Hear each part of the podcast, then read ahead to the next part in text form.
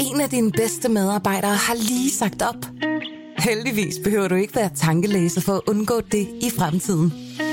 WinningTemp indsamler data gennem hyppige og anonyme medarbejderundersøgelser, så du lettere kan mærke pulsen på dine medarbejdere og støtte der, hvor der er behov. Kunder som Alfa Laval, Orkla og Volvo bruger allerede WinningTemp og ser, at det øger trivsel, reducerer turnover og hjælper med at fastholde talenter. Få gratis gennemgang allerede i dag på winningtemp.com. Du lytter til Radio 24 /7. Den originale taleradio. Velkommen til Hitlers Æseløer med Jarl Kortua.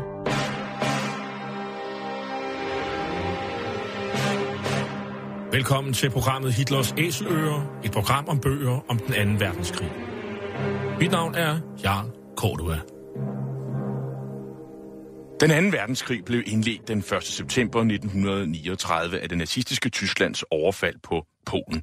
Der var tale om en racistisk erobringskrig, der kostede mellem 55 og 70 millioner mennesker livet, og hvor nazisterne systematisk myrdede jøder, romager og slaviske befolkningsgrupper og politiske modstandere og alle andre, der ikke passede ind i deres forestillinger om et ensartet folkefællesskab. Nazisterne de blev i åren efter dømt ved krigsforbryderdomstolen i Nürnberg, og flere af deres organisationer, såsom nazistpartiet, SS og Gestapo, blev stemplet som ulovlige forbryderorganisationer. I den her serie, som vi har valgt at kalde for Hitlers Æsløer, præsenterer vi nogle af de mange bøger, som i disse år udkommer om den anden verdenskrig.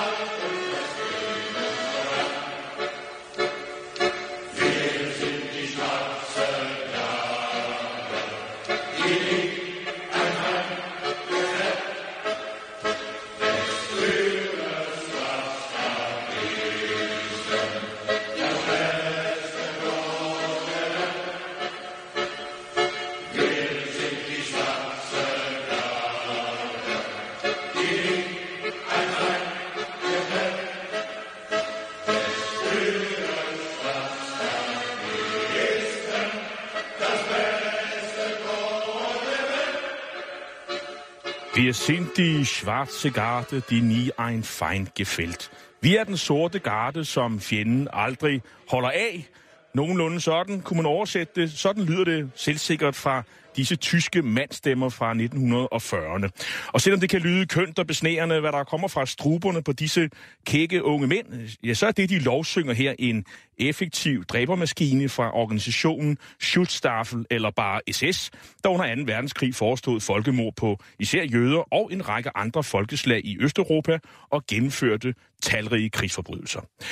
Tre historikere har i en ny bog, Waffen-SS, Europas nazistiske soldater, der er udkommet på forlaget Gyldendal, sat sig for, for at beskrive fænomenet. Det er Claus Bunker Christensen, Niels Bo Poulsen og Peter Scharf Schmidt. Og her i programmet Hitlers Æseløer kan jeg nu byde velkommen til to af forfatterne. Det er dig, Claus Bundgaard Christensen, Ph.D., lektor i historie ved Roskilde Universitet, og Peter Scharf Schmidt, Ph.D., seniorforsker ved Institut for Menneskerettigheder. Og sammen med Niels Bo Poulsen, som så ikke er her i dag, så har I jo talrige bøger og publikationer bag jer om emnet. Og jeg vil lige nævne en, som I alle sammen, øh, eller alle tre skrev sammen tilbage i 1998, der hedder Under Hagekors og Dannebro, Danskere i Waffen-SS, som på mange måder var et banebrydende og meget rost værk, da I som de første præsenterede en, en, samlende, en samlet fortælling om Frikorps Danmark og de Østfront frivillige. For det hænger jo meget sammen øh, med det, som er emnet i dag, og for jeres seneste bog, der handler om hele, eller resten af Waffen-SS. Og jeg vil godt starte med at spørge jer, øh, hvorfor har I skrevet bogen her, øh, hvad bliver det, 17 år efter, I, I kom med den første bog om, om Waffen-SS fra sådan et dansk perspektiv? Ja, ja altså det, det har vi gjort, fordi at det er noget, vi øh, gerne vil... Øh, øh, det er noget, vi simpelthen har haft tanker om, vi gerne vil gøre i mange år. Og øh, vi fik så for nogle år siden øh, en stor bevilling fra Forskningsrådet øh, til det her projekt. Og det er så det, vi har øh, ser resultatet af, eller det forløbige resultat af nu i hvert fald. Og øh, grunden til, at vi gerne vil gøre det, så er det dels fordi, vi synes, der er en, en række spændende aspekter ved den her øh, utrolig og på mange måder mærkværdige militær organisation, men også fordi, at øh, vi simpelthen øh, satte os den ambition, at vi vil skrive det nye standardværk om øh, Waffen-SS. Hvordan opstår SS? Hvad, hvad, hvad er det for en idé, man får, øh, Peter Scharf Schmidt? SS øh, vokser ud af oprindeligt at være en, en form for øh, øh, garde, bodyguard øh, for, for Hitler, og vokser sig så derfra over en årrække til at være en masse her, øh, en kæmpe øh, øh, multietnisk organisation.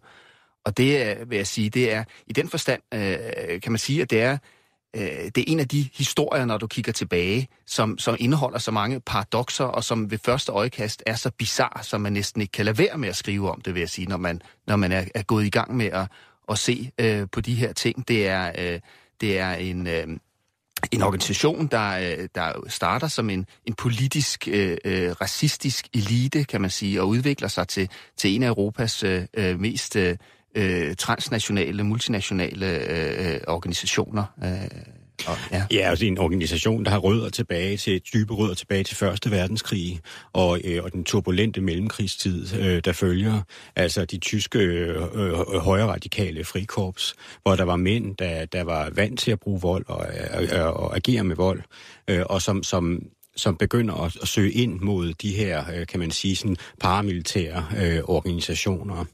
Og det er der, man, man har kimen til, til, øh, til, til SS. Det er også der, de begynder at, at kan man sige, selv i sig med, det, med de karakteristiske symboler, vi kender, altså for eksempel dødningehoderne, som de faktisk har lånt fra de tyske øh, stormtropper, blandt andet under Første Verdenskrig, men også de, de sorte uniformer, som de begynder at, at, at klæde sig i.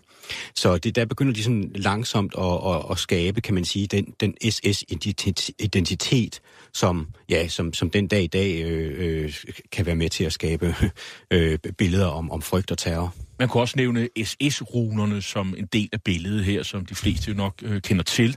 Øhm, men, men det jeg også godt lige kunne øh, lige vil spørge om, det er jo at, at få afklaret. Jeres bog handler om Waffen-SS, altså det bevæbnede SS. Ja. Og SS er jo en større organisation. Kan vi prøve at, at, at adskille ting, eller kan man det i det hele taget? Er det muligt? Det kan man til en vis grad, men også kun øh, til en vis grad, fordi Waffen-SS hænger snævert sammen med det samlede SS. Øh, den organisation, der opstår i løbet af 30'erne, der er det militære SS. Øh, I starten spiller det ingen rolle, og så kommer det til at spille øh, en, en mindre rolle, og der er SS hviler mere på sine øh, politiben, kan man sige. Koncentrationslejrene bliver administreret af SS, øh, og, øh, og de har også et efterretningsvæsen øh, øh, og det store, algemeine, almindelige SS. Og så under krigen, øh, der bliver Waffen-SS, det militære SS, simpelthen langt den vigtigste del af Øh, øh, af SS. Men der er konstant fra starten af øh, nære bånd til resten af SS. Det er en del af SS, og det ser man for at tage et, et sigende eksempel. For eksempel ved, at der er konstant udveksling af, af mandskab mellem koncentrationslejrene øh, og, øh, og øh, frontenhederne. Der er simpelthen en, en recycling, altså man, øh, man, man ligesom flytter rundt, øh, for eksempel mandskab, der er såret, eller måske skal komme, så de mm. bliver koncentrationslejrfanger. Ja, så skal man, og så skal man også øh, selvfølgelig have med, at der er ting til, som, som, som SS står for, og som Waffen SS også bliver dybt involveret i, og det er folkedrabet på de europæiske jøder, altså, ud, altså holocaust, det industrialiserede øh, massemord. Det er, det er SS-organisationerne, der står for det, som udgør hele støtte, støttestrukturen, blandt andet det såkaldte rejssikkerhedshavdamt, som, som leverer, øh, kan man sige, ja, støttestrukturen til, til, til folkedrabet. Ja, det var en organisation, der havde præcis, altså Waffen-SS' målsætninger adskilt sig på ingen måde fra, fra SS' målsætninger, og øh, på Østfronten drejede sig om en udryddelseskrig. Øh, det var det, det handlede om. Det vender vi jo tilbage til, fordi der er jo nogen, der findes jo mennesker, som mener, at der, man kan dele tingene op øh, i, i, i, i det bevæbnede del af SS, og så øh, det øvrige SS, der foretog øh, folkemordet. Øh, en ting, som jeg lige, mens vi er i begyndelsen af den her organisations øh, tid, levetid, det er jo, at øh, i starten af nazisme, nazismens overtagelse, der er der en helt anden organisation, der er fremtrædende, nemlig SA, Sturmabteilung. Øh, og så på et tidspunkt, i, efter man har overtaget magten i Tyskland i 33, så er det ligesom, at øh, SA glider ud, og SS øh, glider ind. Hvad er det, der sker? Altså, det er, altså SA er, øh, de er øh, i, efter Hitlers magtovertagelse i 33 i stigende grad set med Hitlers øh, øjne øh, uregerlige og også en, en potentiel trussel. Øhm, øh, og derfor øh, vælger øh, Hitler øh, at, at foretage en udrensning øh, af, af hele øh, SA-toppen, og det vil simpelthen sige, at altså, man, man henretter simpelthen flere hundrede øh, SA-folk, blandt andet også øh, lederen af SA, ham der hedder Ernst Røhm. Øh, og, øh, og, og, og og dem, der udførte det, det, det, det, det massedrab, det var, det var faktisk øh, SS-folk, blandt andet fra Hitlers personlige øh, livgarde, den såkaldte Leibstandarte, der holdt til i berlin lichterfeldt kasernen Og øh, det, er, det er simpelthen, kan man sige, øh, SS' øh, første skridt op med i, i, i hierarkiet i, i det nazistiske Tyskland. Det, næste, det næste store øh, skridt magtmæssigt, det er, at Himmler gradvist sætter sig på det samlede politi i Tyskland, og dermed får SS-organisationen jo en helt unik øh, magtbase. Øh, samtidig kan man sige, at det er jo også har stor betydning for Waffen-SS, så hele det politiske grundlag, ideologiske grundlag for organisationen bliver dannet på det tidspunkt, og man definerer, hvad det er for en type politiske soldater, øh, man, man, man, man gerne øh, vil lave. Så i den forstand er der nogle øh, helt grundlæggende elementer, som er på plads, øh, når man i 1939 øh, står klar til at overfalde øh, Polen. Øh, og der er, men stadigvæk på det tidspunkt er det militære SS jo øh, relativt beskedent. Fordi, øh, hvorfor er det beskedent? Altså, vi ved jo så, at, at med tiden, så, så opstår der jo en konkurrence mellem øh, Wehrmacht øh, og øh, Waffen-SS om ressourcer og mandskab. Ja, det er korrekt. Øh, og det, der kan man sige, i hele mellemkrigstiden, der var øh, Øh, værnemagten jo den, den, den fremste for, øh, bremseklods i forhold til det militære SS's udvikling. Det var dem, der havde ret til, øh, til, til langt de fleste rekrutter, og man gjorde øh, i, i virkeligheden udviklede øh, det militære gren af Waffen-SS sig jo alligevel øh, ganske meget i den periode, når man tænker på, hvilke vilkår de havde, og de brugte jo alle mulige knep til deres øh, Totenkopf-soldater øh, via øh, hvad hedder det, koncentrationslejrsystemet øh, øh, ind, i, i, øh, ind i det militære SS og så videre. Så de gjorde, hvad de kunne for at udvikle sig, men, men øh, værnemagten gjorde, hvad man kunne for at bremse den udvikling. Ihr seid Waffenträger der deutschen Volksgemeinschaft.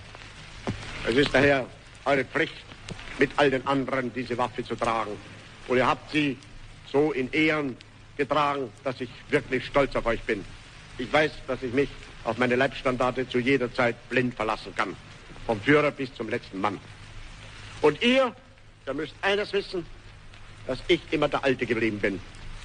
Der Kämpfer von einst, der mit seinem Volk geht und der fanatisch nur ein Ziel kennt, Deutschland groß und stark zu machen. Det vi her, det er en, øh, en glad og begejstret Adolf Hitler, der juleaften 1940 taler til sit uh, livregiment uh, Leibstandard Adolf Hitler. SS'eren, det er jo en, en politisk soldat. Og her har vi den politiske leder, der taler til, til til sit livregiment. Øh, hvem, hvem var de, og hvad, hvad krævedes det for at, at for eksempel blive optaget i øh, lifestandard Adolf Hitler? Hvad var det for nogle mennesker? Øh, det så var der jo nogle rent øh, fysiske krav øh, til, at man skulle være en arisk soldat, om man så må sige noget højdekrav og så videre, og man skulle kunne føre sin øh, stamtavle øh, øh, tilbage til år 1800. Øh, som på alle sider? Øh... Ja, som er sikret, at der ikke var noget øh, jødisk blod, for eksempel. Og Øh, så, så der var nogle, kan man, kan man sige, racistiske, nazistiske øh, krav. Øh, og derudover så var der jo, og det fyldte jo langt mere i praksis, så var der en ideologisk øh, skoling, som man altså så stort set i, i, i nær sagt øh, alle øh, sammenhænge, hvor man brugte en hver lejlighed til at, til at påføre øh, ideologisk, mandskabet ideologiske budskaber, der handlede om, at de var herrefolket, og, og der var nogle andre, der var undermennesker, der jo, øh, øh, når det, da det kom til stykket, simpelthen ikke havde ret til at leve ifølge nazisterne. Hvad var egentlig vigtigst, at man havde militære kundskaber, eller man var øh, sådan troende nazist? Øh, eller var det lige vigtigt, eller hvordan? Altså, øh, der har efter, man kan sige det på den måde, der efter krigen var en debat, hvor der var nogen, blandt andet tidligere veteraner, der hævdede, at det militære fyldte langt mere, og at ideologien ikke var, at det var noget, man, øh, man ikke tog seriøst i virkeligheden. Og det vil jeg sige er i vid udstrækning en, en misforståelse, for hele pointen var, at det smeltede sammen øh, de to ting. Og det var faktisk også noget, der blev forstærket igennem krigen. Man slog endnu mere på det ideologiske, fordi man mente, at den vej, at man ville styrke det militære, soldaternes kampkraft. Så der var ikke nogen modsætning i den forstand. Men det er klart, at der var også en, en intensiv øh, militær træning af mandskabet. Det var øh, soldater, det drejede sig om. Den politiske indoktrinering, der var, øh, og, og de krav, der stilledes, øh, vil man sige, at, at, sådan, at, at ideologien fyldte hele SS'erens øh, liv og, og hverdag, øh, eller hvordan vil I... Altså, det er jo sådan idealtypisk, ja. Men altså, det, det man skal bare skal huske på, det er, at øh, vi, vi har også at gøre med, med, med en, en, en, i virkeligheden ikke specielt homogen øh, øh, organisation. Altså, vi ved ikke præcis, hvor mange mænd, der er gået igennem Waffen-SS, men man anslår det et sted mellem øh, 800.000, nok nærmere en million. og, de, og de mænd, de kom jo fra alle mulige steder i verden, fra, fra Centraleuropa, fra Skandinavien og fra Tyskland. Og man kan sige, der er nogle særlige træk omkring, specielt de tyske og de vesteuropæiske frivillige. Og der forsøgte, der forsøgte Himmler og SS øh, at præge deres øh, dagligdag og deres hverdag ned faktisk til, til, til, ja helt ned faktisk til, til hvem de giftede sig med og så videre. Øhm, øh, og, og hvilken tro de havde og den slags. Men der var også store dele af, af Waffen SS, for eksempel, øh, der var en del muslimer i Waffen SS, øh, og der var også øh, østeuropæere i Waffen SS, der ikke på samme måde var udsat for den helt den samme, hvad skal vi sige, øh, ideologiske indoktrinering. Så det kommer også an på vejen, hvor man ser hen. Og det kommer også an på, øh, hvor vi er hen i tid. Fordi... I høj grad. Altså det, det, der var en tendens til, kan man sige, at, at der var flest ressourcer til at præge SS-mandskabet øh, sådan i dagliglivet i, i, i begyndelsen før krigen og i begyndelsen af krigen. Men ideologien betyder noget hele vejen, helt frem til de rygende ruiner i Berlin i 1945. For i, i takt med, at, at krigen gik dårligt for tyskerne, der begynder himler i stigende grad og den øvrige del af den nazistiske ledelse og tro på, at ideologien, det er det, man skal sejre med. Panzerverbände und motorisierte Grenadiereinheiten der Waffen-SS im Vorstoß auf Charkow. Die Sowjets sind in der großen Winterschlacht zwischen Dnieper und Donetsk von der Heeresgruppe Süd nach Osten zurückgeworfen worden. Im Raum von Charkow haben sie sich zu neuem, erbitterten Widerstand festgesetzt.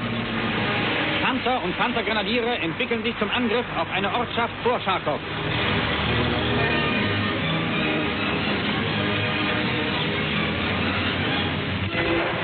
Sowjets werfen unseren Truppen immer neue Wellen von Panzern und Infanterie entgegen. Der bolschewistische Ansturm wird jedoch aufgefangen, ehe er noch unsere Angriffsspitzen erreicht hat.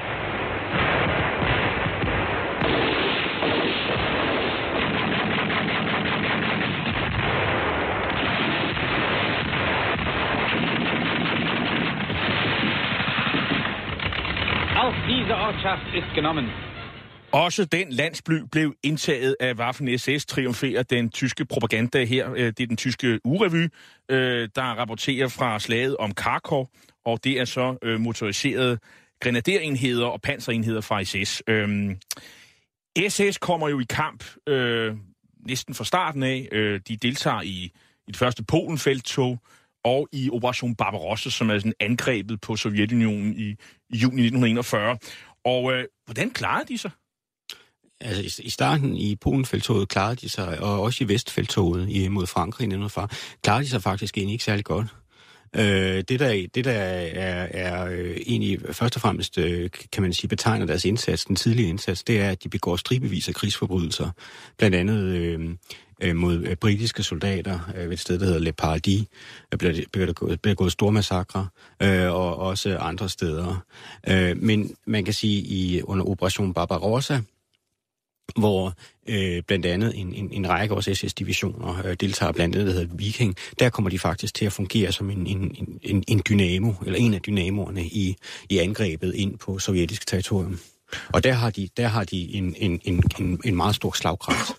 Så det vil sige, din konklusion er, at det er sådan lidt blandet. Og, øh, er, ja. men, men er de ligesom de andre enheder, det er sådan en stejl indlæringskur, de er måske ikke så trænede, de skal have noget kamperfaring.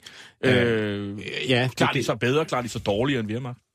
Uh, I starten klarer de sig dårligere end Wehrmacht, uh, men, men, men, uh, men, men som tiden går, så opstår der en række uh, enheder under Waffen-SS, der har en formidabel slagkraft, og som hører til nogle af de bedste militære uh, enheder uh, under den anden verdenskrig. Men øh, som sagt, så begår de jo også krigsforbrydelser. Begår de flere krigsforbrydelser end, vær, øh, end Wehrmacht? Ja. Øh, og, og, og hvad, hvad, hvad er begrundelsen for, at ja, SS begår altså det, det, det, det gør de. Altså, der, der har jo været i blandt forskerne, ikke mindst de tyske forskere, der har der meget fokus siden 1900, slut 80'erne på den almindelige tyske soldat i værnemagten. Og, øhm, og der, der, der var det et chok for den tyske offentlighed, da man kunne afsløre, at, at at værnemagtssoldater, almindelige soldater, ofte var involveret i, i overgreb på civilbefolkningen. Det ved vi, at værnemagten var dybt involveret i. Men sammenligner man Waffen-SS, så er der ingen tvivl om, at Waffen-SS procentvis begik flere forbrydelser end værnemagten generelt. Og en af grundene til, at Waffen-SS gør det, øh, også i, i de, de Waffen-SS-enheder, der ikke bestod af frivillige, men var tvangsudskrevne og måske var forskellige såkaldte fremmedfolk, som man kaldte dem i Waffen-SS, de begik også mange forbrydelser. Så skyldes det, at der altid var et rammepersonel, af, af ideologisk, højt ideologisk motiverede SS-officerer, der styrede de her enheder. og de ligger altså ligesom i en kultur for, hvordan man behandler for eksempel krigsfanger og den slags. Og derfor kan man se, at Waffen-SS generelt begår flere forbrydelser. Peter Schaff men øh, ja, og det, øh, det er fuldstændig korrekt. Og man kan også sige, at, at Waffen-SS-enhederne viste sig klar til det fra starten af. Nu er det selvfølgelig meget forskelligt, når vi sammenligner 1939 med det, der sker senere i krigen, for der var det øh, nogle øh, regi- øh, enkelte regimenter, der var indsat. Der var det militære Waffen-SS jo øh, lille øh, sammenlignet med senere, men de viste sig fra starten af klar øh, til at begå de her krigsforbrydelser, øh, øh, som de gjorde øh, hele vejen igennem. Og der er det så først senere, kan man sige, at værnemagten for alvor kommer efter øh, øh, øh, den del af det, og, og, og deltager helhjertet i den udryddelseskrig, som det udviklede sig til øh, øh, på Østfronten, men stadigvæk Waffen-SS-enhederne er i, i, har en højere frekvens af, af krigsforbrydelser. Det er svært at sammenligne på Østfronten, men, øh, men det tyder det også på, at de er tættere på, øh, på, på SS og de, mange af de enheder, der er, opererer i baglandet og, og ikke laver andet end at udrydde øh, jøder og civile. En af de ting, som øh, slog mig under læsning af bogen, det er, at, øh, at faktisk fra begyndelsen af, så har Waffen-SS faktisk forholdsvis store tab, også sammenlignet med Wehrmacht. Altså, de, øh, de slås, øh, men måske ikke altid, de, slå, de slås måske ikke så klogt, fordi de har enorme tab. Hvad, hvad er forklaringen på det?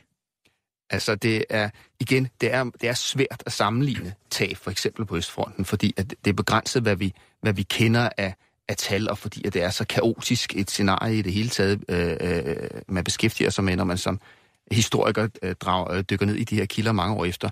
Men det materiale, vi har, det peger helt klart i retning af, at der var en lidt, øh, øh, øh, der var en tendens til i Waffen-enhederne, at man, at man kæmpede lidt mere øh, øh, hovedløst, kan man sige, øh, hvor man kastede sig også øh, officererne øh, frem i, i forreste linje, øh, og måske fik nogle resultater på den konto, men blandt andet også øh, højere tab.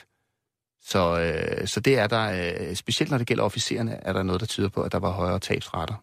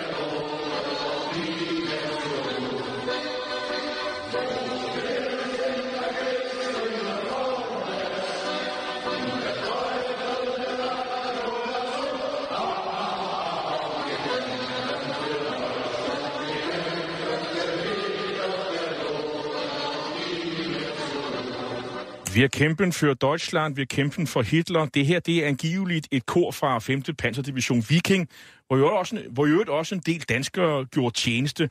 Og de synger så en af de her soldatersange, som er særligt forbundet med SS. Hvis man kan lidt tysk, så kan man øh, godt fornemme, at der er sådan lidt, øh, der er lidt dødskult over det. De er nogle øh, fandens kale. øh, og de øh, er bare frontsoldater, og det er hårdt liv, og men de tager det med et øh, kægt smil og så videre.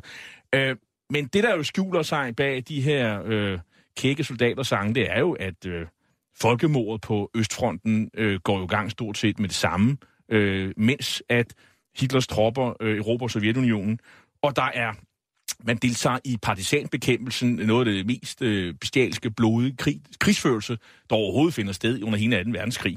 Og øh, deltager blandt andet også øh, danskere fra Division Viking i, øh, og Frikors Danmark-folk i øvrigt. Øhm, og blandt de måske sådan mest berygtede enheder under Waffen-SS, det er Dirlevanger-brigaden øh, og Kaminski-brigaden. Mm. Hvad er det for nogle enheder? Ja, altså det er, altså de hører til, de er jo nogle af de mest øh, berygtede og også med rette øh, berygtede øh, enheder under den anden verdenskrig og under SS. Øh, Oscar Dirlevanger var øh, en øh, nazist, der, øh, der flere gange kom i øh, problemer, øh, blandt andet fordi han havde øh, et forhold til en mindreårig. Øh, men han blev, øh, han blev reddet af, af, af af øh, en, en, en SS-general, der hed Berger, som ligesom knyttede sig til ham, og der fik øh, Oscar Dirlevanger sin egen enhed, som er en meget mærkelig enhed, der i starten bestod af, af, af, af, af krybskytter, øh, øh, der, der, som, som man havde nogle forskellige romantiske forestillinger om, men, men som man så samlede i, i den her enhed, der så efterhånden blev en, en enhed for øh, mandskab, der var på en eller anden måde var blevet straffet. Og øh, den enhed, den øh, blev i vid udstrækning brugt til, øh, til partisanbekæmpelse, der i virkeligheden var i mange tilfælde et kamuflageord for folkemord. Og øh, det gjorde de ofte med en bestialitet, man måske nærmest sige sadisme, øh, som, som, øh, som, som, som var helt øh, ekstrem. Og det samme kan man sige med Kaminski-brigaden er også en, en, en, en virkelig en af de meget særprægede enheder under Waffen-SS. Kaminski, han var russer, og øh, han bliver leder af en, en russisk enhed i, øh, i SS-regi. De er ikke, kan man sige, de er integreret i, i, i, i Waffen-SS Kaminske brigaden, men de måske ikke, jeg kan ikke betragte dem som fuldgyld, fuldgyldige SS-soldater, om jeg så må sige. Men, men, de, men de var en del af Waffen-SS, og øh, det, det, der startede som, som Waffen-SS, øh, eller en, en, en brigade, bliver senere hen øh, opgraderet til en, en division, den første russiske SS-division. Og man kan også sige, øh, at de to enheder er også et eksempel på, synes jeg, at, at øh, både i SS og, og Waffen-SS specifikt, den både, kan man sige, kreativitet og eks, ekstrem kynisme, der var i organisationen, og pragmatisme øh, på visse områder, der gjorde, at den kunne udvikle sig så eksplosivt, som den gjorde. Man, man fik hele tiden nye idéer til at skabe nye enheder, og det er jo også en af forklaringerne på, at man på, og det er jo helt utroligt i virkeligheden, at man fra 1939, for at være nogle få regimenter, øh, kunne udvikle sig til en hær på mange hundredtusind mand. Nogle af de, øh, der tidligt øh, kom med i, i Waffen-SS, det var også nogen, som man faktisk stod med åbne arme, øh, hvis man var Heinrich Himmler, øh, som gik meget op i sådan noget med, med race. Det er jo sådan de germanske frivillige, altså. Og der var jo danske frivillige, der var norske frivillige, der var øh, hollandske frivillige og svenske frivillige sågar. Var det nogen, man, man, man var meget glad for, øh, eller hvordan klarede de sig? At dem var man glade for fra SS side og fra Waffen-SS side. Det er der slet ingen uh, tvivl om, og, og Himmler mente jo personligt, at, at de skandinaviske lande, og ikke mindst Norge, at det var der, man kunne måske finde det allerbedste ariske blod overhovedet. Så der var, der var flere pointer med denne her udvidelse af Waffen-SS at gå til de her uh, nordiske uh, uh, lande og, og, og de vesteuropæiske lande i det hele taget. Dels så var det et spørgsmål om at skaffe sig magt i de lande. Der var jo en, en kamp mellem øh, Auswärtige Samt for eksempel, det, Udenrigsministeriet. det tyske udenrigsministerium og andre, øh, om at få magt i de besatte lande. Der kunne man bruge de her øh, soldater til noget og få dem ind i SS. Øh, dels så var der et, øh, var det et udtryk for det ideologiske projekt, der handlede om at få den ariske race til at gå sammen i et, i et, i et våbenfællesskab øh, at skabe en, øh, en, øh, en nazistisk elite. Og, der, og det ser man hele vejen igennem krigen. Selvom man også udvider SS langt mere, så havde de en særlig position øh, for Himmler og for SS, de her germanske, såkaldte germanske frivillige. Var det, var det noget, ah, danskere gjorde, men meldte man sig i, i stort tal til det her? Eller, eller? Ja, det er jo lidt som man ser på det, havde jeg sagt. Øh, øh, øh, Jeg vil sige, øh, da jeg voksede op og gik på universitetet i, øh, i starten af 90'erne, der var det da lidt en overraskelse for mig, at der var så mange, der meldte sig. Og det var jo noget af det, Claus og Nils og jeg begyndte at skrive om. Og det var jo 6.000 danskere, der havnede i, i, i Waffen-SS rent faktisk. Er det, det, er det meget set det, med sådan en international målstok? Altså det er nogenlunde, det ligger på nogenlunde det samme niveau, hvis du ser på øh, Norge, Danmark og, og, og Holland øh, for eksempel. Øh, det var jo ikke mange i forhold til de ambitioner, man havde i, i SS. Det var det jo, øh, det var det jo absolut ikke. Øh, så i den forstand var det jo ikke nogen kæmpe succes, kan man sige, værvningen af germanske øh, frivillige. Og man kan vel sige, øh, nu, nu snakker du om frikorpset, der blev faktisk også gjort et forsøg på at lave dansk SS. Øh, hvordan gik det med det? Du tænker på Schalburg-korpset, det hjemlige ja. danske SS. Ja, det var... Øh, det gjorde man i de besatte lande, også lavede øh, øh, nationale øh, SS-enheder, og de udviklede sig jo primært til at være hjemlige terrorkorps, kan man sige, for det tyske regime. Og der var også en vis øh, Øh, der var jo nogle tidligere Waffen-SS-frivillige, der også indgik i, øh, i Schalburg-korpset. Det jeg også tænker på, det er, at der var måske også et ideologisk skisma mellem dem, der var i Waffen-SS, som abonnerede på sådan en pangermanisk øh, tanke om, at vi skulle alle sammen være en del af Stortyskland, eller sådan et, et, et, et germansk fællesskab, og så var der sådan nationale nationalsocialister, som jo drømte om et Stor-Norge eller et Stor-Danmark, Øh, jeg ved så ikke, hvem der skal være lille, men øh, nogen skulle være lille i det her øh, spil. Øh, Storholland, ikke mindst. Øh, øh, det har jo også betydet noget, også i forhold til, hvordan man skulle håndtere de der ting. Det kan man jo også læse om i din bog, at der man fra tysk side øh, sørger for at holde de der nationale tendenser nede, mm. også i, i forbindelse med værvningen og, Ja, ja. Altså, det, det, det, ja, altså det er klart. Altså der er nogle, øh, altså der, der, der, der er nogle, øh, kan man sige, der, der er nogle, der er nogle store spændinger mellem de respektive landes nazistpartier for eksempel, øh, altså i Vesteuropa, og så det tyske SS. Øhm, og det man kan sige, det der er en generel tendens, det er, at der kommer ind, altså dem der melder sig fra, fra, fra Holland, fra Frankrig, øh, fra, fra, fra Belgien og de skandinaviske lande, de, kommer, de bliver næsten alle rekrutteret fra de højre radikale miljøer, altså primært de lokale øh, nazistpartier. Og de har ofte nogle forestillinger om, øh, hvordan, hvordan tingene skal være i fremtiden, som ikke stemmer overens med det billede, de møder i SS. Altså eksempelvis, man kan tage de danske frivillige, der får at vide af en SS-officer, øh, ordnet SS-officer, at, at Danmark for fremtiden vil blive et gav i Tyskland, altså en provins i Tyskland. Og det var jo ikke lige det, de forestillede sig. Øh, og det samme kan man se også i forhold til, til, til de belgiske øh, og, og, og, og de hollandske nazister. Der er nogle spændinger. Så mødet med SS, på trods af, at de havde meldt sig frivillige, og de var motiverede som politiske soldater, altså de her mennesker, de havde jo ideologien med i bagagen.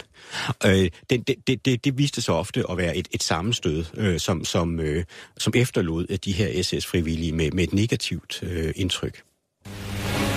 Siebenbürgen.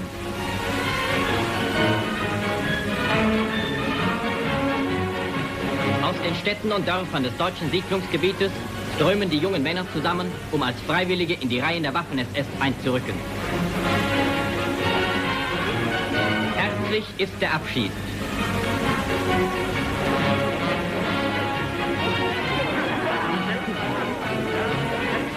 Zu Ehren der jungen Soldaten haben Frauen und Mädchen ihre schöne alte Tracht angelegt. Noch in Zivil, aber schon in Reih und Glied. SS-Obergruppenführer Lorenz schreitet die Front ab. Ehrenformationen der rumänischen und der deutschen Wehrmacht geben den SS-Freiwilligen das Geleit zum... Ja, nu det her, vi hører her, det er folketyskere fra Siebenbürgen, som jo altså er en del af Rumænien, hvor der den dag i dag faktisk bor øh, stadigvæk øh, et tysktalende øh, mindretal. Mm. Og det var der også dengang, og de blev også øh, øh, indrulleret i Waffen-SS som mm. såkaldte folketysker, ja. og her stod man klar til at øh, sige farvel, og man havde taget det pæne tøj på, for at nu skulle de afsted og i uniform, og der var ikke sparet på, på, øh, på glæden her i den tyske propaganda. Claus Bunker Christensen, mm. hvad, hvad er, hvad, hvordan gik det med det? Altså man kan sige, at, at man begynder i stigende grad i takt med, at det er svært at rekruttere øh, tyskere, eller det bliver sværere at rekruttere tyskere, øh, øh, og, og, og så, så får øh, SS-ledelsen øh, kaster så øh, øh, et kærligt blik, kan man sige, på de mange folketyskere, der lever i de, øh, i de tysk besatte områder. Og den begynder man at rekruttere i stor stil. Øh, nogle melder sig øh, frivilligt, men en meget stor del bliver faktisk også reelt øh, øh tvangsimuleret i Waffen SS, Så der kan man sige, det, det går særlig stærkt for omkring 43, og der mister øh, øh Waffen SS, kan man sige, kan man ikke længere sige, at Waffen SS er en her, der består af frivillige soldater. Det er blandt andet rumænske, øh, ungarske øh, folketyskere, der kommer ind. Også, øh, også folketyskere fra Danmark øh, melder sig også. De gør det i øvrigt frivilligt. Men, men, men, øh, men, men det begynder, de, de får en, en stadig større betydning i, øh, i at fylde rækkerne i Waffen SS. Men det betyder altså også, at man får nogle soldater, der kommer ind med nogle andre motiver øh, end, end, end for eksempel frivillige øh, hollænder og, og tyskere. Øh, det, er, det, er, det er soldater, der, der, der, der ofte er presset ind i rækkerne simpelthen. Og en af de øh, skal sige, lidt mere eksotiske øh, enheder, det er jo det er dem, der hedder Hanchar, altså krumsabel ja, altså, enheden, ja, altså som består af muslimer. Ja, altså det er, altså Waffen SS er jo en, på mange måder, det, det er en mærkelig historie med Waffen SS, men det er også en meget multikulturel her. Men jeg vil godt advare lytterne mod at tro, at at Waffen-SS-ledelsen var bestået af sådan nogle glade multikulti-drenge. Det, det var det ikke. Øh, det var en, det var en, en, en, en, en, en, en, en, en racistisk øh, organisation fra først til sidst. Men de begynder i stigende grad at tage øh, blandt andet også muslimer ind. Og man etablerer øh, tre øh, muslimske SS-divisioner. En, der hedder Hanshar, og en, der hedder Karma, og en, der hedder Skanderbeg. Og da krigen slutter, der er man faktisk ved at opstille en fjerde, der hedder Nøj-Turkistan. Og øh, de her enheder, det er muslimer, og de får en helt anden karakter end for eksempel Division Viking. Øh, hvis man eksempelvis ser på religionens betydning. Øh, den, den var stort set, altså der, der var ingen, øh, altså der var ingen øh, øh, kristne, øh, eller der var ingen præster for eksempel i feltpræster i Division Viking, øh, eller der, og soldaterne, de fik også meget, fik det også svært, hvis de ville gå i kirke og den slags. Men det så man stort på i for eksempel i de, øh, i de muslimske enheder. Der var der øh, øh tilsluttet såkaldt øh, øh, felt øh, imamer, øh, og, og, og, og der blev der dyrket, øh, kan man sige, den muslimske religion. Det var i vid udstrækning en, en, at de muslimske, kan man sige, øh, soldater, de kommer med, med også med en anden, andre motiver. Nogle kommer, at, øh, kommer ud fra de etniske spændinger, der er i de dele øh, af, af verden, hvor de boede. Andre var... Øh, var med af ideologiske årsager. Øh, blandt andet øh, stormuftien af Jerusalem er meget aktiv, og han var ekstremt antisemitisk øh, og, og, og, og, og respekteret mand i store dele af den muslimske verden. Og han, han får også en del til at melde sig. Øh, så det er, nogle, det er nogle ret eksotiske enheder, må man sige. Men militært set, kan man sige, der bliver det i vid udstrækning en, en, en fiasko, og, og, og ender øh, i flere sammenhæng i, i mytterilignende øh, situationer, så... Øh, så i den forstand øh, får det ikke den, den, den, den store virkning. Ja, altså mere end det faktisk. Altså to af divisionerne, den der hedder Karma og Skanderbeg, må simpelthen oplyses. Og den sidste består af albanere? Det er den albansk uh, SS-division, simpelthen fordi den var for pålidelig. Og det vil sige, at de er simpelthen øh, ikke særlig brugbare sådan, i militære operationer? Altså, de viser mest brugbare til at terrorisere lokalbefolkninger med. Men øh, når de stod over for, for, for trænede kamptropper, så brød de sammen. We shall defend our island, whatever the cost may be. We shall fight on the beaches. We shall fight on the landing grounds. We shall never surrender. Du lytter til Hitlers Æseløer på Radio 24 /7. Et program om bøger om 2. verdenskrig med Jarl Cordua. I give you a toast. I dag i Hitlers Æseløer har vi besøg af Claus Bundgaard Christensen og Peter Scharf Schmidt, der sammen med Niels Bo Poulsen er medforfattere til bogen Waffen-SS, Europas nazistiske soldater, der er udkommet på forlaget Gyldendal. Og øh, vi er nået dertil, hvor jeg godt kunne tænke mig at høre lidt af om, øh, øh, hvad er det for sådan en, en ledelsesfilosofi, der er i, øh, i Waffen-SS? De ledere, der er, er de, øh, har de gået på militærakademier? Er de, er de på, hvordan leder man sådan en gruppe af nazistiske soldater? Der må være en eller anden øh, filosofi bagved. Ja, altså man kan sige, at man kan jo ikke, hvis man skal snakke om ledelsesfilosofi og, og SS og Waffen-SS, så bliver man jo nødt til at først og fremmest at sige, at hele systemet var bygget op omkring en førerkult, decideret. Det var, det var Hitler, der var, øh, der var føreren for det tyske folk, og det spillede man øh, i meget, meget høj grad på i SS og Waffen-SS. Det var en person, man skulle ofre livet for, simpelthen som en politisk soldat. Så det var, det var, det var udgangspunktet. Og hele systemet var også, øh, når du så ser på den konkrete ledelse i i, uh, i, uh, i Waffen-SS meget, meget autoritært øh, militært system. Øh, det man gjorde tidligt fra SS side, jo helt bevidst for at kunne føre den her politiske ledelse ud i livet, det var, at man lavede sine egne junkerskoler, hvor man uddannede sine egne øh, SS øh, og Waffen-SS officerer. Og det var øh, øh, militært uddannet, men også ideologisk øh, uddannede øh, officerer, der skulle føre den her politiske øh, militære ledelse ud i livet, og det, øh, og det gjorde de også med stor gejst. Var, var de dygtigere? Kan man sige det? Altså, i hvilken forstand, havde jeg sagt? Enhederne og så videre. Det, det, jeg tænker på, det er blandt andet af, af Sepp Dietrich, som mm. jo er, er leder af en af de her panserdivisioner. Han bliver beskrevet som en, øh, sådan en dilettant, sådan mm. rent mm. Øh, føringsmæssigt. Og det, jeg spørger om, det er, at var det sådan gennemgående, at de havde ret dårlige ledere, dårligt uddannede ledere, og hvorfor havde de det? Altså, jeg vil sige, at de, de fik jo en... Øh, øh det, det er meget forskelligt fra individ til individ. Der var nogen, der havde en, en, en, en, øh, en øh, ledelses, en militær officeruddannelse også fra hæren. Øh, så det, det kunne være meget forskelligt. Men der er flere ting, man skal tænke på her. Dels så var der... Øh, øh, så kunne der jo være nogle ledelsesmæssige kvaliteter i at være den, der gik forrest og få sine øh, mænd med, og man kunne skabe resultater på den måde. Men det er ikke sikkert, at man havde en militærfaglig niveau øh, øh, af den grund øh, på samme niveau som øh, officerer i, i værnemagten. Det er en ting. En anden ting er, at man skal tænke på, at mange af de her øh, folk, de havde jo en eksplosiv karrieremæssig udvikling. Sepp Dietrich for eksempel, der pludselig bliver, øh, øh, øh, hvad hedder det, kommer til at kommandere en hel armé. Øh, øh, så man kunne meget hurtigt nå, øh, øh, efter det gamle Peter-princip, han er sagt, på et, et niveau øh, ledelsesmæssigt, der var højere, end man var egnet til. Ja, man kan sige, at med noget, man også øh, kan, kan, kan sige, der karakteriserer Waffen SS, eller rettere sagt dele af Waffen SS i forhold til ledelse, det er dog, kan man sige, at militært er der ingen tvivl om, at de på nogen måder stod tilbage i forhold til værnemagten. Altså, der var en højere grad af amatørisme nogle steder. Men man må omvendt også sige, de, de, de forstod også i højere grad end den almindelige her at sælge varen. Det gælder specielt i forhold til, til de vesteuropæiske og de tyske øh, frivillige. Altså, der var, noget, der var noget mere ungdomligt over Waffen SS. Altså, det blev betragtet af mange unge unge som smart at være Waffen-SS-soldat. Og der kan man sige, en, en, en, hvor man ser i værnemagten, ser en, hvor der ofte kunne være en distance mellem de menige mandskaber, befalingsmænd og så officererne, så forsøgte man i langt højere grad, i virkeligheden meget med moderne, at, at, at have en, en, en tættere interaktion med mandskabet og officererne imellem. Øh, og, og det betyder også for eksempel, at der er en, en, kan være sådan en meget mere ungdomlig atmosfære i nogle af enhederne. Det gælder blandt andet Hitlerjugend-divisionen for eksempel. Ikke? Vores officerslaget var, de, de var ganske unge i mange tilfælde. Det, der jo sådan sker, når vi nærmer os afslutningen på krigen, det er jo, at, øh, at Waffen-SS får adgang til flere og flere øh, ressourcer. Mm. De bliver panserdivisioner. Hvad betyder det?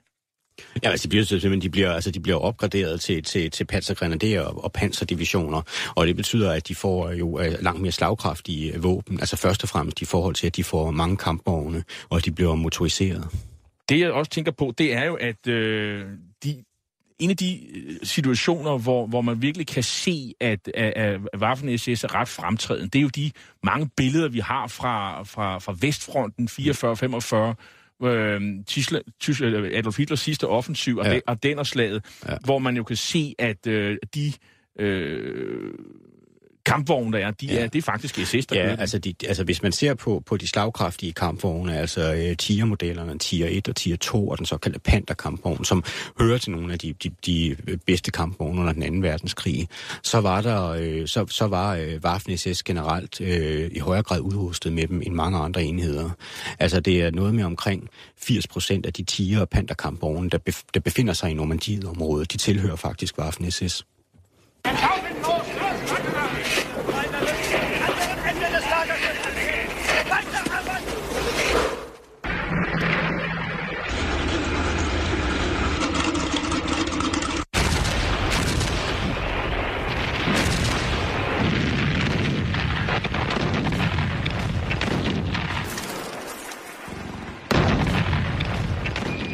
Det er tysk SS-panser, der her ruller på, på Vestfronten. Øhm, men der sker jo også en masse krigsforbrydelser i forbindelse med Vestfronten. Og du nævnte lige, lige før Hitlerjugend, Claus Bunker mm. Christensen, mm. som var en meget, meget ung øh, division, ja. og, og, ja. og de begik øh, store krigsforbrydelser. Hvorfor? Ja, altså der, der, der er flere forklaringer på det. Altså de, de begår, de begår øh, meget alvorlige øh, forbrydelser øh, mod specielt kanadiske øh, soldater, som de støder sammen med. Og øh, det er en ung division, men det er også meget højt motiveret øh, unge mænd, altså 17-18-årige, der bliver sendt til fronten. Det er jo unge øh, mænd, der er vokset op i Hitlerjugend, altså den nazistiske ungdomsorganisation, og som har meldt sig frivilligt. Og øh, de, er, de er stærkt motiveret, også for at møde fjenden. Og øh, de møder så de her øh, kanadiske øh, kamptropper, som virkelig bider fra sig øh, og, øh, og, og, og, og påfører Hitlerjugenddivisionen ret alvorlige tab. Og det man kan se altså gang på gang, det er simpelthen, at de reagerer øh, ved at og, og, og, og, og slå deres øh, krigsfanger ihjel. Og øh, der er en række øh, store massakre, som, som, som Hitlerjugend er øh, ansvarlige for. Faktisk i sådan en grad, at den, øh, den internt i den tyske her i den der periode, øh, for de enheder, der var på Vestfronten i hvert fald, blev, blev kendt som, som morderdivisionen. Ikke? Altså fordi de, de dræbte deres krigsfanger, det viste alle. Men de unge var jo ikke alene om det her. De andre enheder kunne også godt øh, finde ud af det her. Og hvad, hvis du skal give sådan nogle øh, årsager til brutaliseringen af SS, hvad, hvad, hvad skyldes det? Jamen altså, det skyldes mange forskellige ting, og, og, og krigsforbrydelser kan jo også generelt forklares på mange forskellige måder. Der kan jo være tale om, at der altid i krigssituation øh, sker, finder en brutalisering sted. At der kan være forskellige faktorer, der spiller en rolle. Det kan være karrieremotiver, at du vil gå forrest i en række sammenhænge. Men det der er det stadigvæk, når vi ser samlet på, og vi har jo virkelig beskrevet, jeg ved ikke, hvor mange krigsforbrydelser i, i den her bog, Øh, det, der samlet er, er væsentligst, det er øh, den ideologiske kontekst, hvor de her overgreb fandt sted indenfor. Det var det, var det man fortalte indbrændte mandskabet, at de, at de var ikke bare øh, øh, okay at, at dræbe undermennesker. Det var en god gerning, simpelthen. Det var, det var formålet øh, øh, med krigen at udrydde øh, de her undermennesker. Så det var altid, og det retlige system bekræftede det. Det var hele vejen rundt, at man organiserede det øh, på den led. Så hvis man samlet set vil se på, hvordan man kan forklare krigsforbrydelser, og hvorfor der er opstået mange eller færre i den ene eller den anden sammenhæng, så er det i, i væsentlig udstrækning spørgsmål om, hvor man er henne, på hvilket tidspunkt. Der er også nogen, der mener, at øh, de oplevelser, folk har haft på Østfronten, dem tager de med over til Vestfronten, mm. hvor, hvor fordi ja. man kan sige, man fører en racistisk krig mod, mod russerne, mm. og så er der jo så øh, germanerne, eller hvem, mm. britter og amerikanere, som ikke mm. på samme måde var, var nogen, man sådan racistisk så ned på. Ja, altså det, det, det, har vi, det er der mange eksempler på. Altså vi kan se, at der sker en brutalisering, og hele den praksis, der foregår på Østfronten, den tager man med sig i, øh, øh til, på Vestfronten. Og det er også interessant at se, at, at mange af de enheder, der begår øh, krigsforbrydelser, altså der kan vi se, at officererne, altså de ledende officerer, også har været ansvarlige tidligere for massakre, så det er altså blevet sådan en kultur, kultur, der opstår i enhederne. Men et, en af de mest øh, kendte og berygtede eksempler, det er jo den store massakre, som for eksempel Das Reich-divisionen øh, begår ned på, på den landsby, der hedder Rordjøsiglan, hvor de, hvor de myrder øh, hundredvis af, af kvinder og børn og ubevæbnede mænd, øh, under påskud af, at de har skjult partisaner, hvad de i øvrigt ikke havde.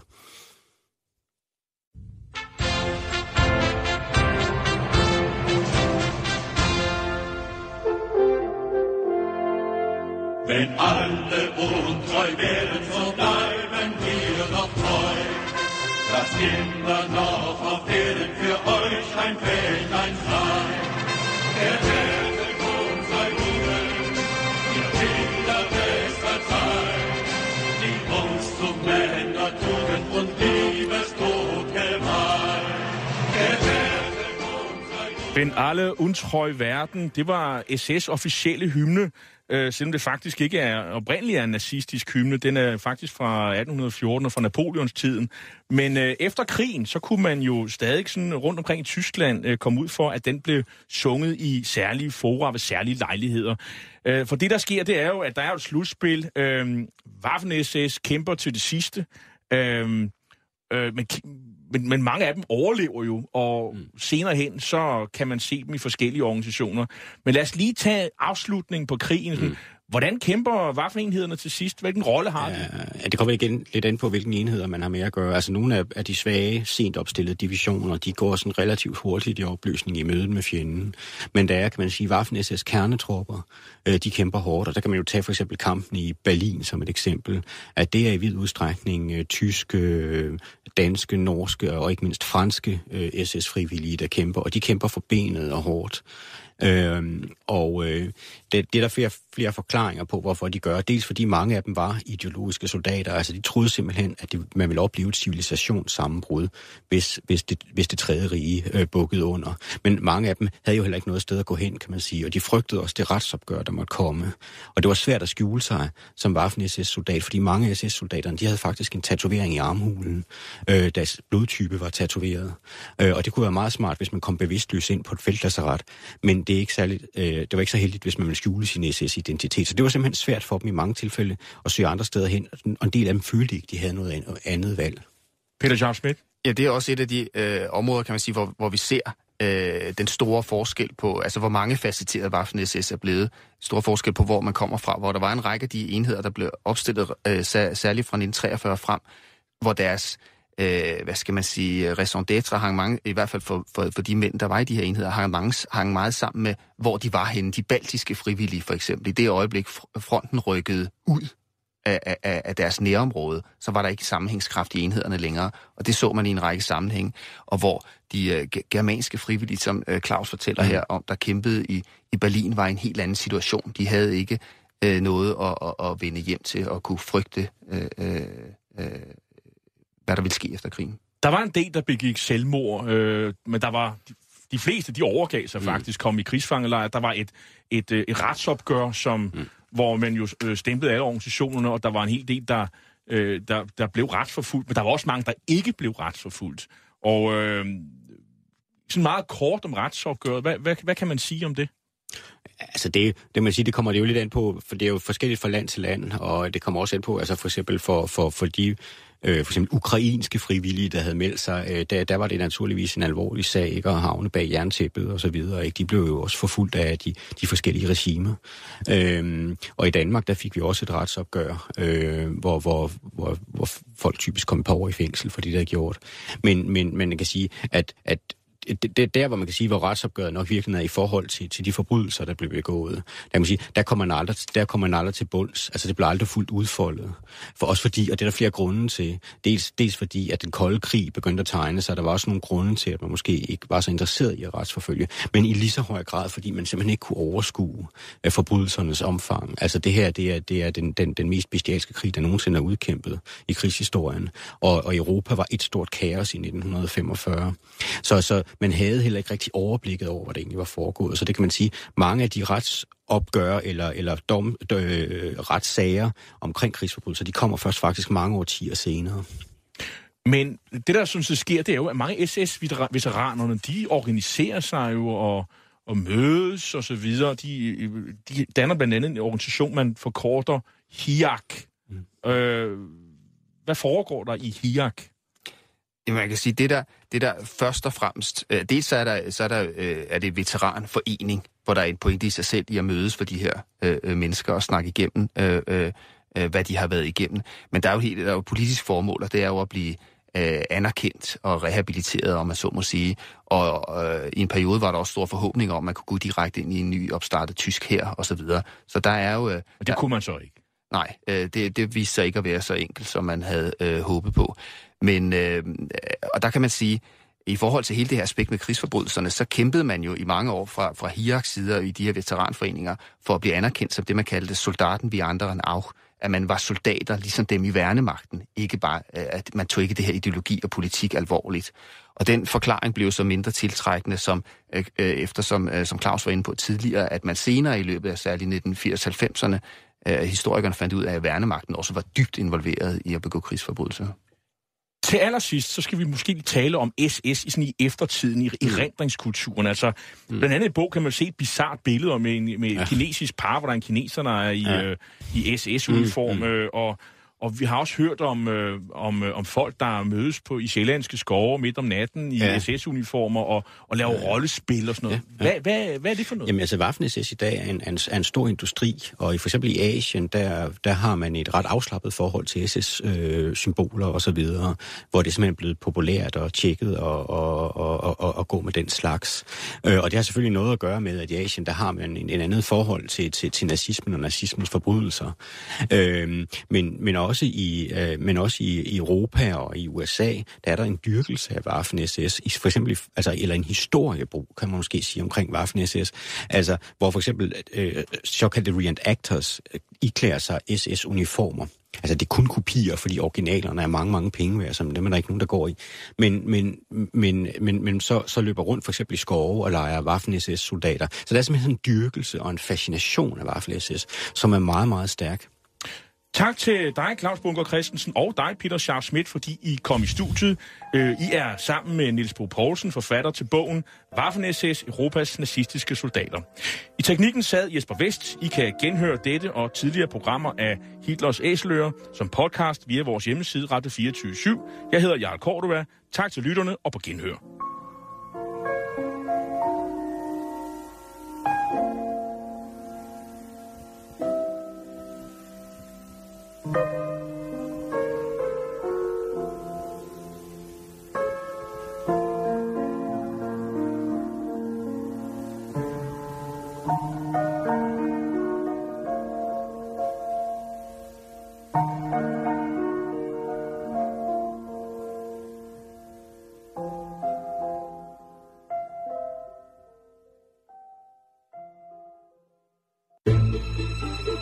Lytter til Radio 24 /7. Om lidt er der nyheder.